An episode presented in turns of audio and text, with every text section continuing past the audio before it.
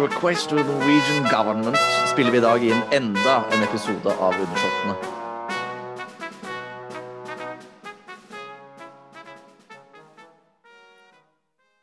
Velkommen til gards, Jørgen Kaupang Martinsen.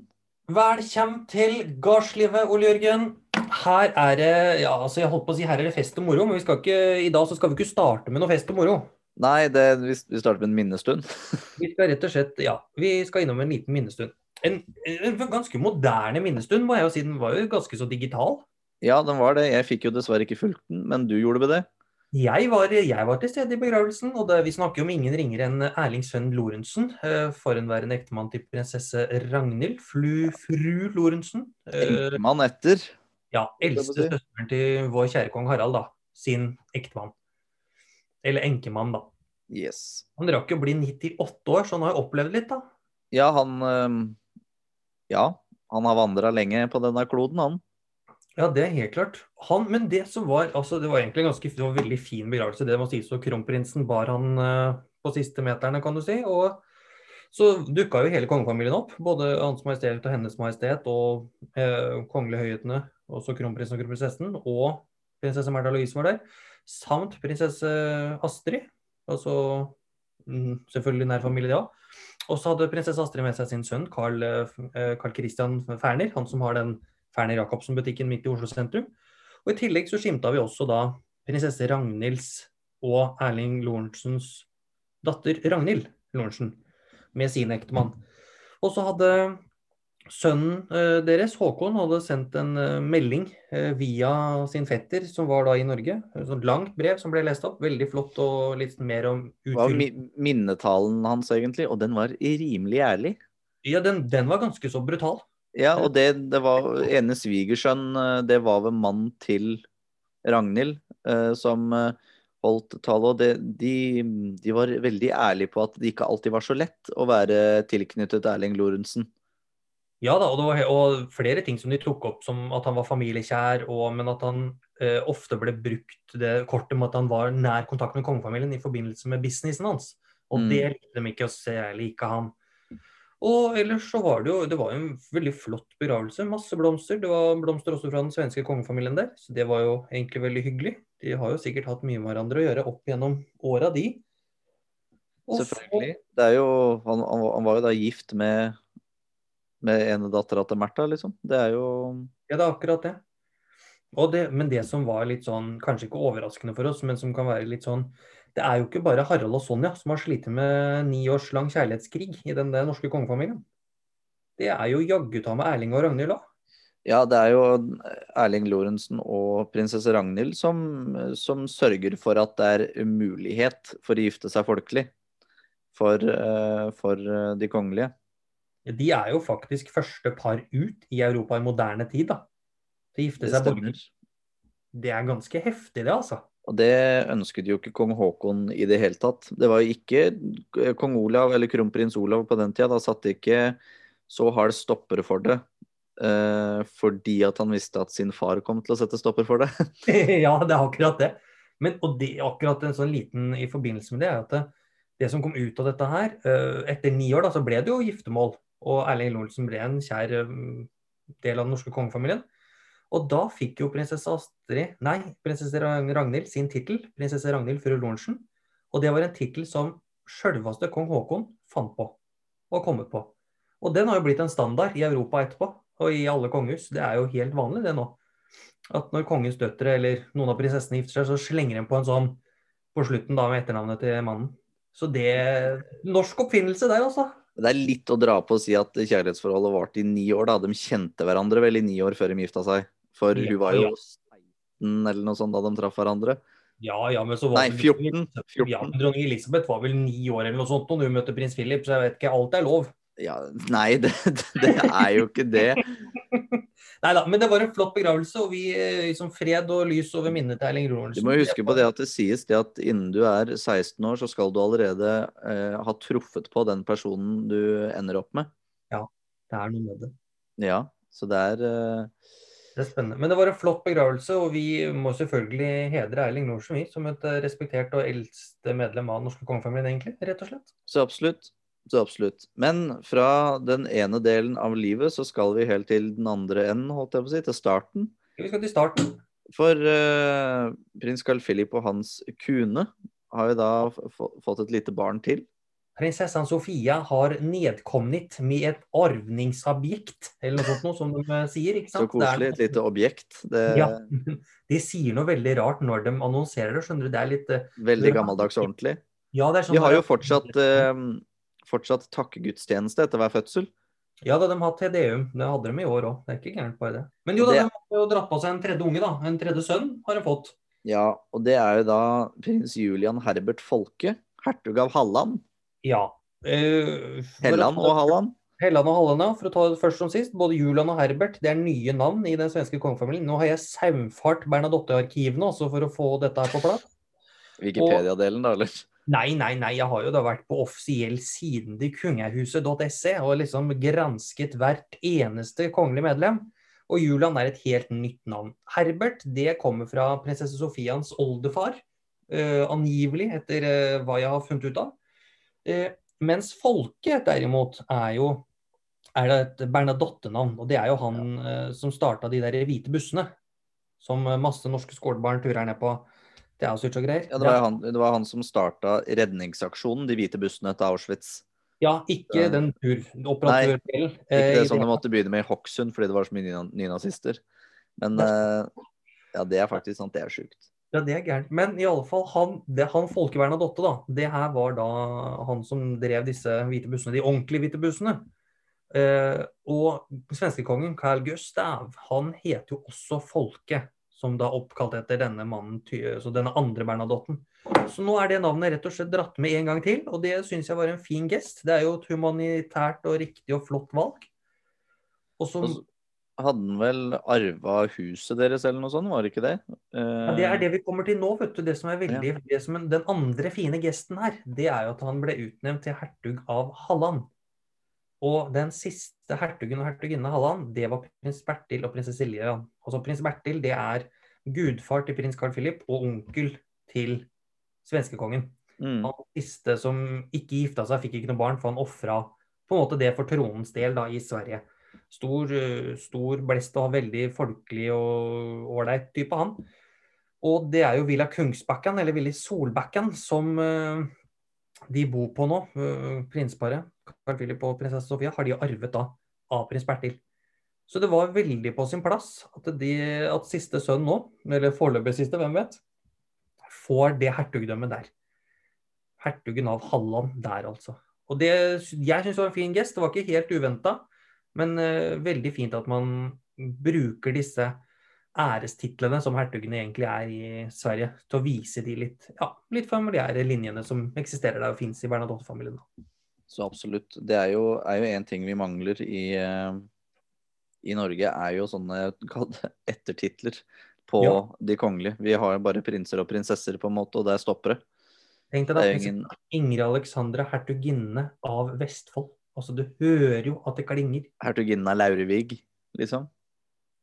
Ja, kanskje litt snevert igjen, men det er greit. Nei, men greit. Laurvig er jo det, er jo det gamle amtet som i dag er Vestfold, holdt jeg på å si. Eller noe Ja, sånt. Ja, husker blir for historisk for meg også. Jeg er ikke så god på geografi, så hvis jeg blanda de fylkene og alt det nå, etter sammenslåingen i hytten og stytten Å, hertuginnen av Viken. Det hadde det.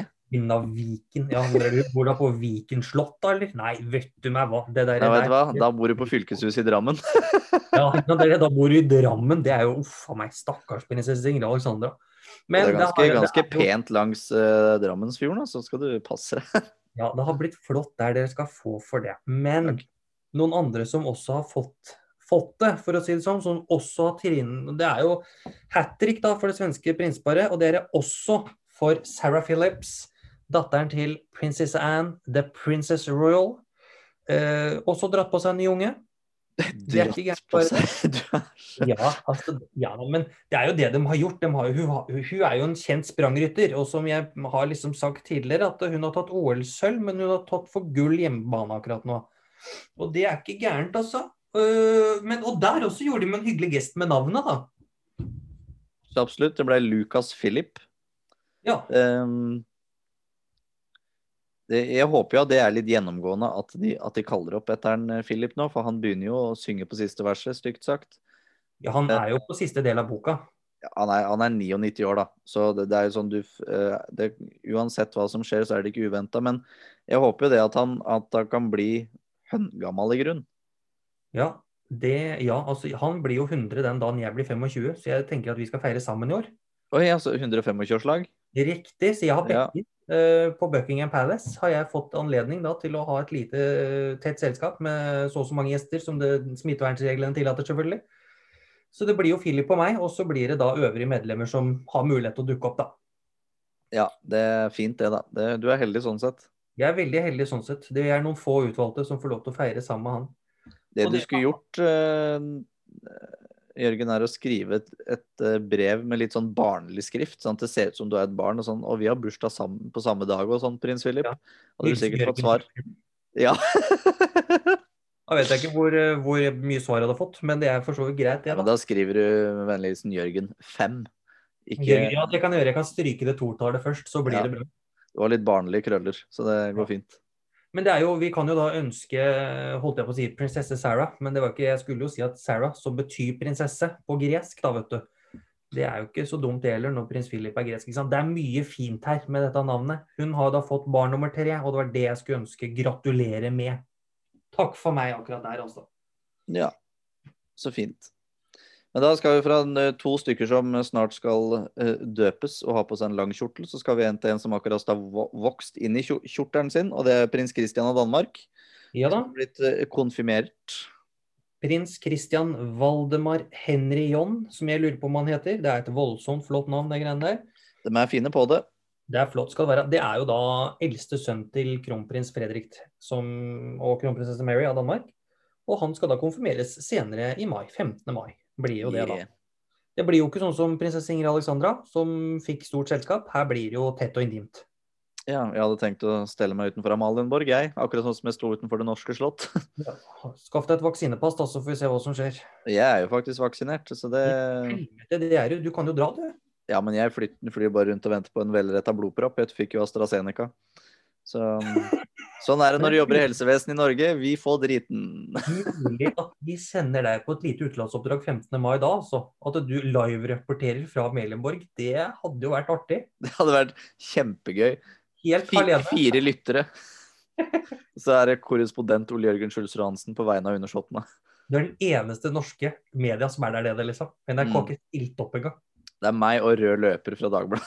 Det er akkurat det. Det er dere to. Det blir jo veldig flott. Men eh, vi gleder oss til konfirmasjon, for jeg, jeg blir jo spent på hvordan de løser det. Jeg regner med at det, vi får sett noe, på en måte, at det blir litt hyggelig.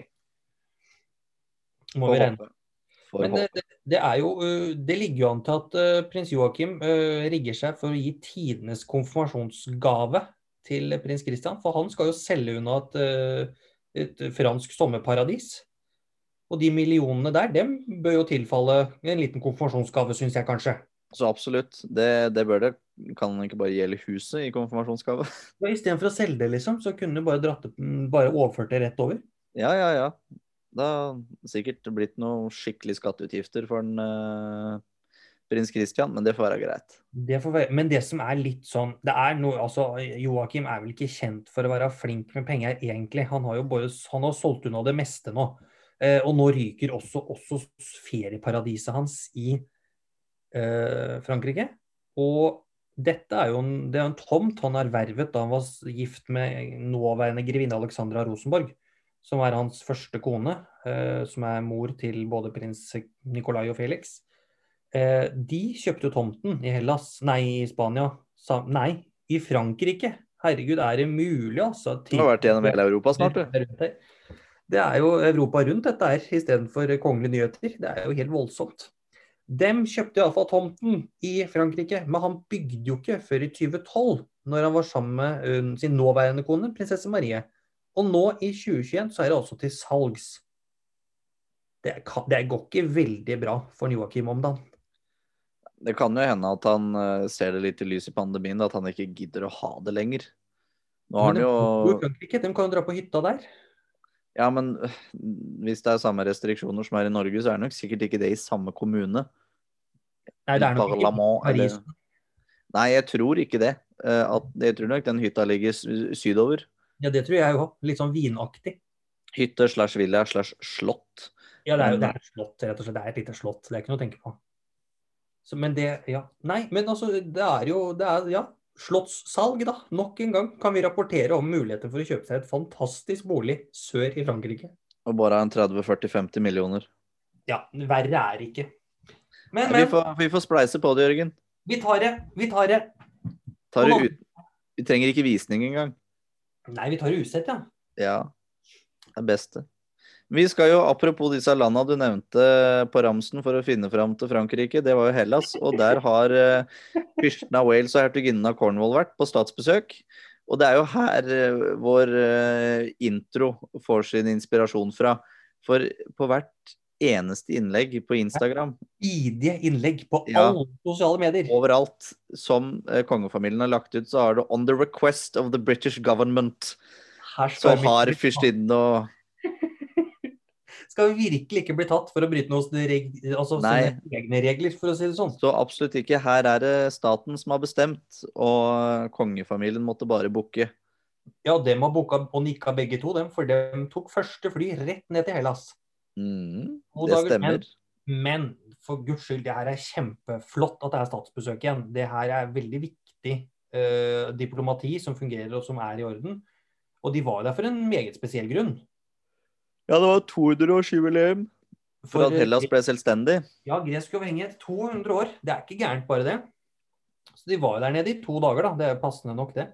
Og hadde litt sånn ja, kulturelle innslag og jobba med de ja, Fortalte om personlige og nære relasjoner mellom britiske og greske kongehus og nasjonene, da. eh, Storbritannia og Hellas. Så absolutt. Dronning Alexandra av eh, Storbritannia var jo søstera til kongen av Hellas.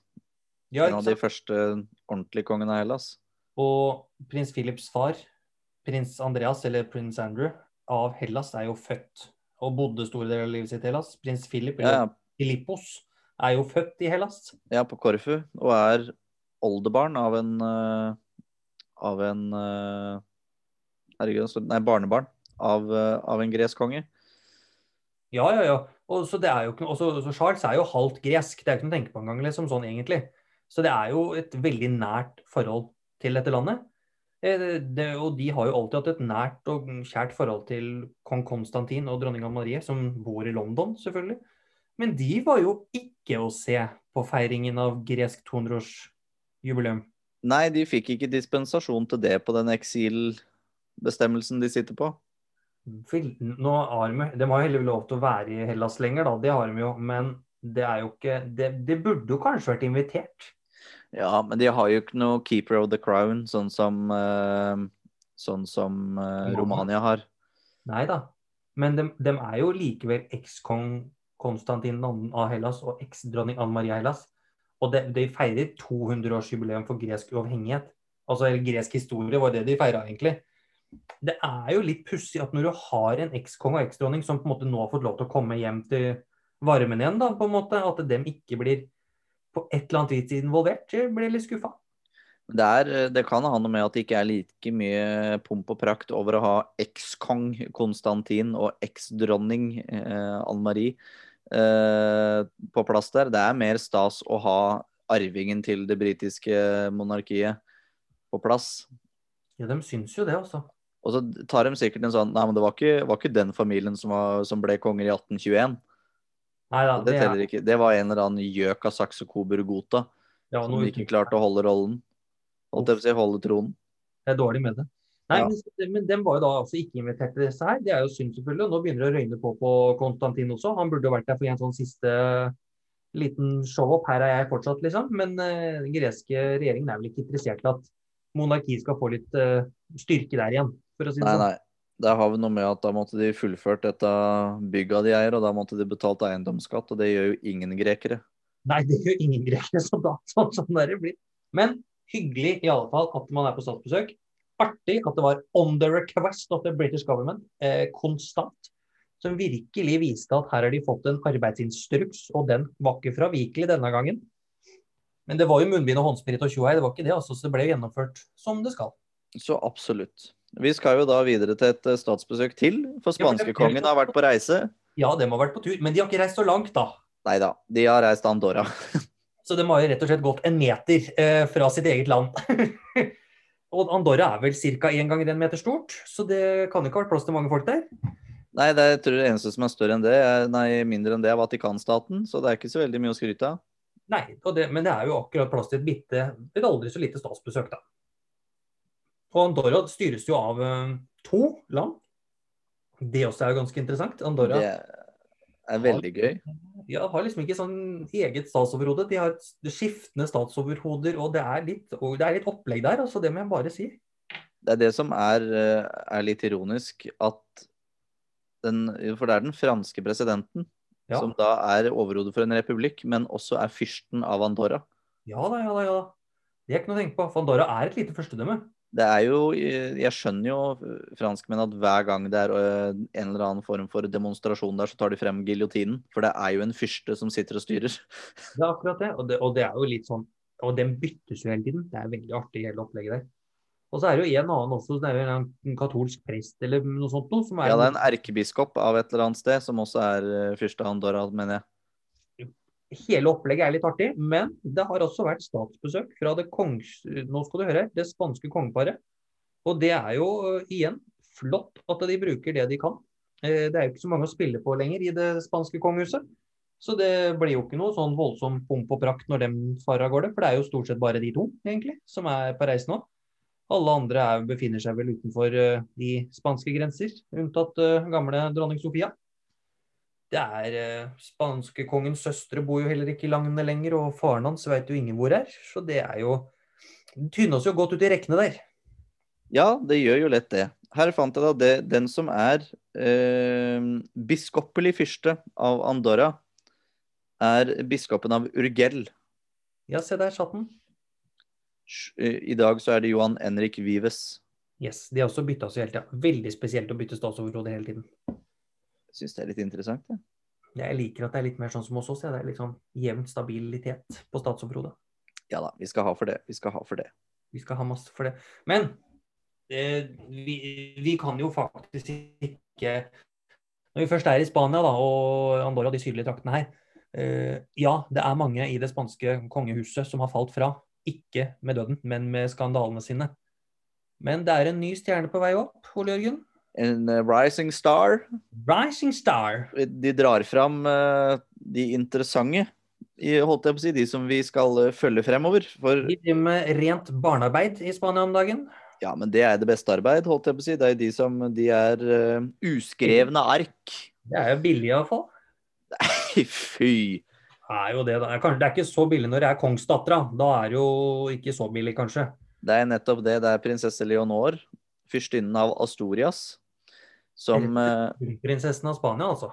absolutt som har vært på sitt første offisielle besøk, og hun er 15 år gammel. 15 år og vært Eller første, første offisielle oppdrag, mener jeg. ja, alene, altså solooppdrag. Altså Én ting er at du er med pappa på jobb, liksom. Den skjønner jeg. Men nå Jeg tror ikke prinsesse Ingrid Alexandra har gjort noe aleine enda, jeg. Nei, ikke noe sånn stort. Hun har vært med dronninga og vært med kongen og kronprinsen, men ikke noe mer. Nei. Og nå er det da altså prinsesse, altså kronprinsessen av Spania, Leonor, eh, eller prinsessen av Astoria, som de sier der nede. Eh, hun har da vært og gjort en symbolsk gest på det nasjonale biblioteket og lagt inn en grunnlov og Magna Cartaen og litt sånn også viktige dokumenter som hun også har lest av tidligere. Jeg tror ikke det var Magna Carta, men jeg skjønner hva du mener. Ja, et eller annet opplegg er iallfall. Et eller annet kart fra noe gammelt av som hun har vært og lest av. Som har putta i en bankboks og var der og fikk noe informasjon og greier om teknologi og bibliotek og tjo og hei. Og jeg syns det er spenstig. 15 år, være på et svært solooppdrag. Altså, det er ganske heftig. Men de har jo ikke så veldig mange andre å ta av, da. Du har en som sitter i eksil i Saudi-Arabia, ei som ikke får lov fordi mannen hennes har drevet og av staten. Det er jo en, eh, ei som sitter i Sveits, så der, der sitter vi, liksom. det er, det er tre mennesker som er det britiske Eller fire mennesker som er det spanske kongehuset nå. Ja. Det er kongen, dronninga, eksdronninga og nå arveprinsessa. Og lillesøsteren hennes er jo ikke helt Hun er ikke på ballen ennå. Hun er jo Nei. Men det jeg, jeg fant ut, da, for vi drev og diskuterte litt hva den Asturias-tittelen eh, kommer av. Ja, ja, ja. Og den det, det jeg fant ut, er at den er eh, Den er lagd på modell fra fyrste, fyrsten av Wales.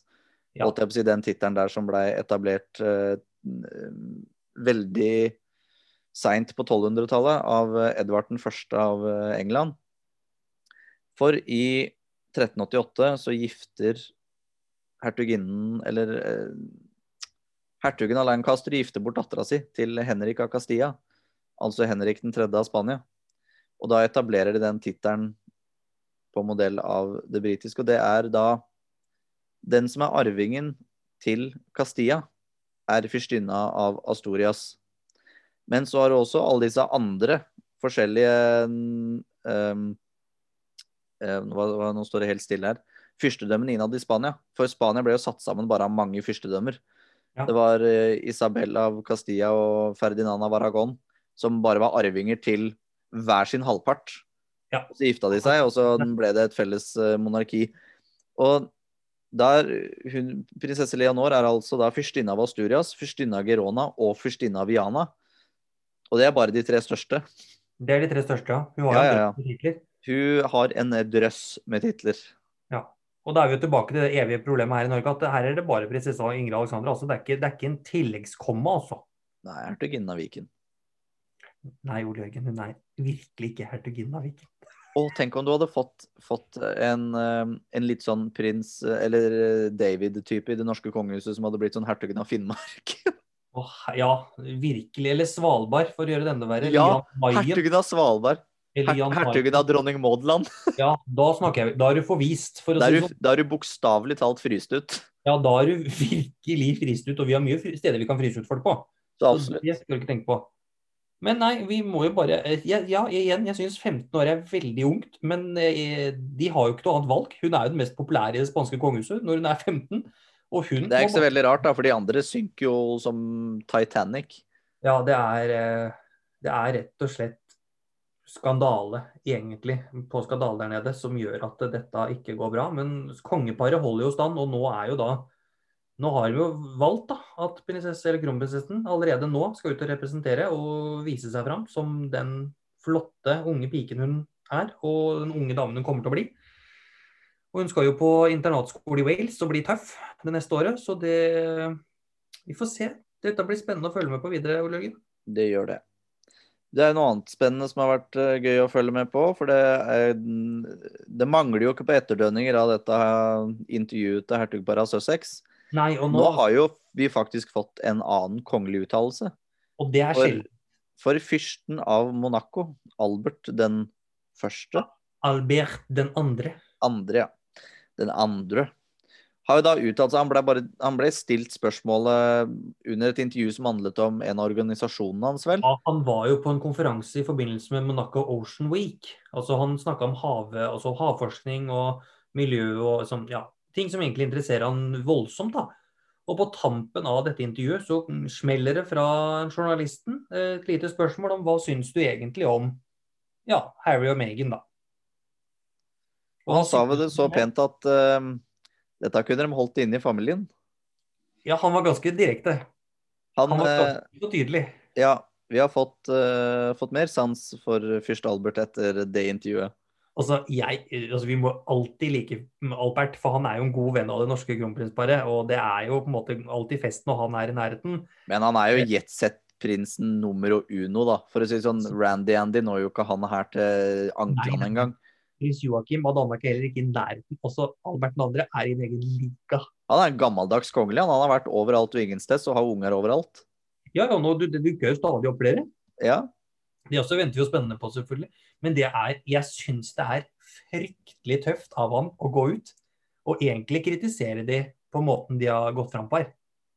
Men han var jo han var forsiktig, og han var ikke sånn at han bare dundra på. Nei, han tok ikke fram kjøttøksa liksom, og nå skal det Nei, nei, slaktes. nei.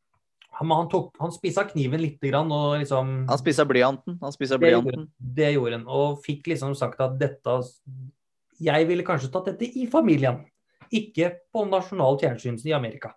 Internasjonalt fjernsyn. Og han også er jo halvt amerikansk, så han skjønner jo det amerikanske publikum hvor lett de biter på ting, ikke sant? Selvfølgelig, Selvfølgelig. Han har jo vokst opp med sin mor Grace Kelly, så Ja. Ja, så lenge hun levde, så var ikke lenge han vokste opp med hun. Nei, nei. Men uh, han har vel sikkert lest litt, da. Har vel lest litt, ja. Men det er jo ikke bare Når vi først er i Monaco, så kan vi jo vi, Storesøsteren til Ja. Albert Det er nok noen andre han må fram med blyanten til òg. Ja, det er nok Det er ikke liksom Én ting er at det skjer ting i andre kongehus, men i sitt eget lille fyrstedømme så er det jo nok av problemer støtt og stadig. Altså Nå har det jo på en måte egentlig roa seg. Det er veldig i Monaco. Alle har fått unger og barnebarn, og det, det er koselig stemning. Men så har du en verkebyll, eh, for å si det mildt. Og det er eh, storesøster eh, prinsesse Carolina Monaco. Hun, har, hun er jo gift på papiret. Uh, Og det er bare på papiret. ja, det er bare for å sikre arva. uh, og det er jo med ingen ringere enn sjølveste ringreven Ernst August av Hanover. Ja, Fyrsten av Hanover hadde det fortsatt eksistert, men nå er han jo bare prins, da. Ja, nettopp, ja. Hva har skjedd med han i det siste? Vi har jo, nevnt, vi har Nei, vi, vi prata jo om den gangen han, han uh, i eh, diverse alkohol- og pillerus angrep noen politimenn og motsatte seg arrestasjon og diverse. Uh, Og nå er han da dømt til ti måneders betinget fengsel med tre års prøvetid. Og det som er helt fantastisk Og satt ut Eller på en måte, han får ikke lov til å be, oppholde seg. Han får ikke oppholde seg i Østerrike. Nei, han kan ikke være på, ikke på det slottet han eier heller. Han, han var jo helt rasende. Han bare kan jeg ikke bo i mitt eget hus? Eh, nei, det kan du ikke, fikk han beskjed om, for å si det sånn. Og, og det han skylder på Altså, måten altså, Han var jo ordentlig Han var jo, han har erkjent at han var full og i rus, og at han angrep disse politimennene. Men det som var den utløsende faktoren, det var at hans sønn hadde hatt en liten, De har hatt en liten disput eh, med noen eh, slott i, borte i Østerrike der. Ja, naboen, holdt jeg på å si. Rett og slett, for han har jo Tidligere så har Ernst August gitt sin sønn overdragelsesretten og eierrettighetene for en del av eiendommene til Hanover-tronen. Og disse har jo, et par av de bygningene har jo sønnen hans gitt til staten, sånn at de kan forvalte de bedre. Og da tippa det for Ernst August, skal du tru. Så dette var jo altså bakteppet, og det han skylder på, er altså at hans sønn har vært den utløsende faktoren for denne litt uheldige hendelsen som ender nå i ti måneder fengsel. Ja, men da kan vi jo se på alle de andre hendelsene som eh, prins Ernst August har vært involvert i, hvor han har kommet fullt til diverse bryllup og sånne ting. Ja, det er Så han, han er jo en god gammeldags reinspikka alkoholiker. Det er ikke noe å tenke på engang. han er, eh, Men, han er men, glad han er, folkens. Det er ikke mer å si enn det. da. Nei, det er jo egentlig ikke det. Vi snakker om en Ernst August gjennom ti måneder, tenker jeg. Ja, vi, ja, vi regner med at Eller kanskje han slipper ut før. Hvem veit, altså. Nei, Jeg tror ikke, for å si det sånn, han skal jo ikke i fengsel, da. En betinga dom er jo at han får, får være ute. Men det er jo det Men så fort det skjer et eller annet, og han gjør noe dumt om det så bare er fartsbot, så er det jo rett inn igjen. Da, skal vi rapportere om det. Ikke tenk på det. Nei, selvfølgelig. Vi skal stå Da tar jeg vaksinepasset mitt og farer av gårde. Og det vært Jeg være på første rad. Intervju med Ernst August. Det kommer. Det kommer. Det, det verste er at det må vi, det må vi få til en gang. Vi lyttes. Det gjør vi. Adjø! Adjø.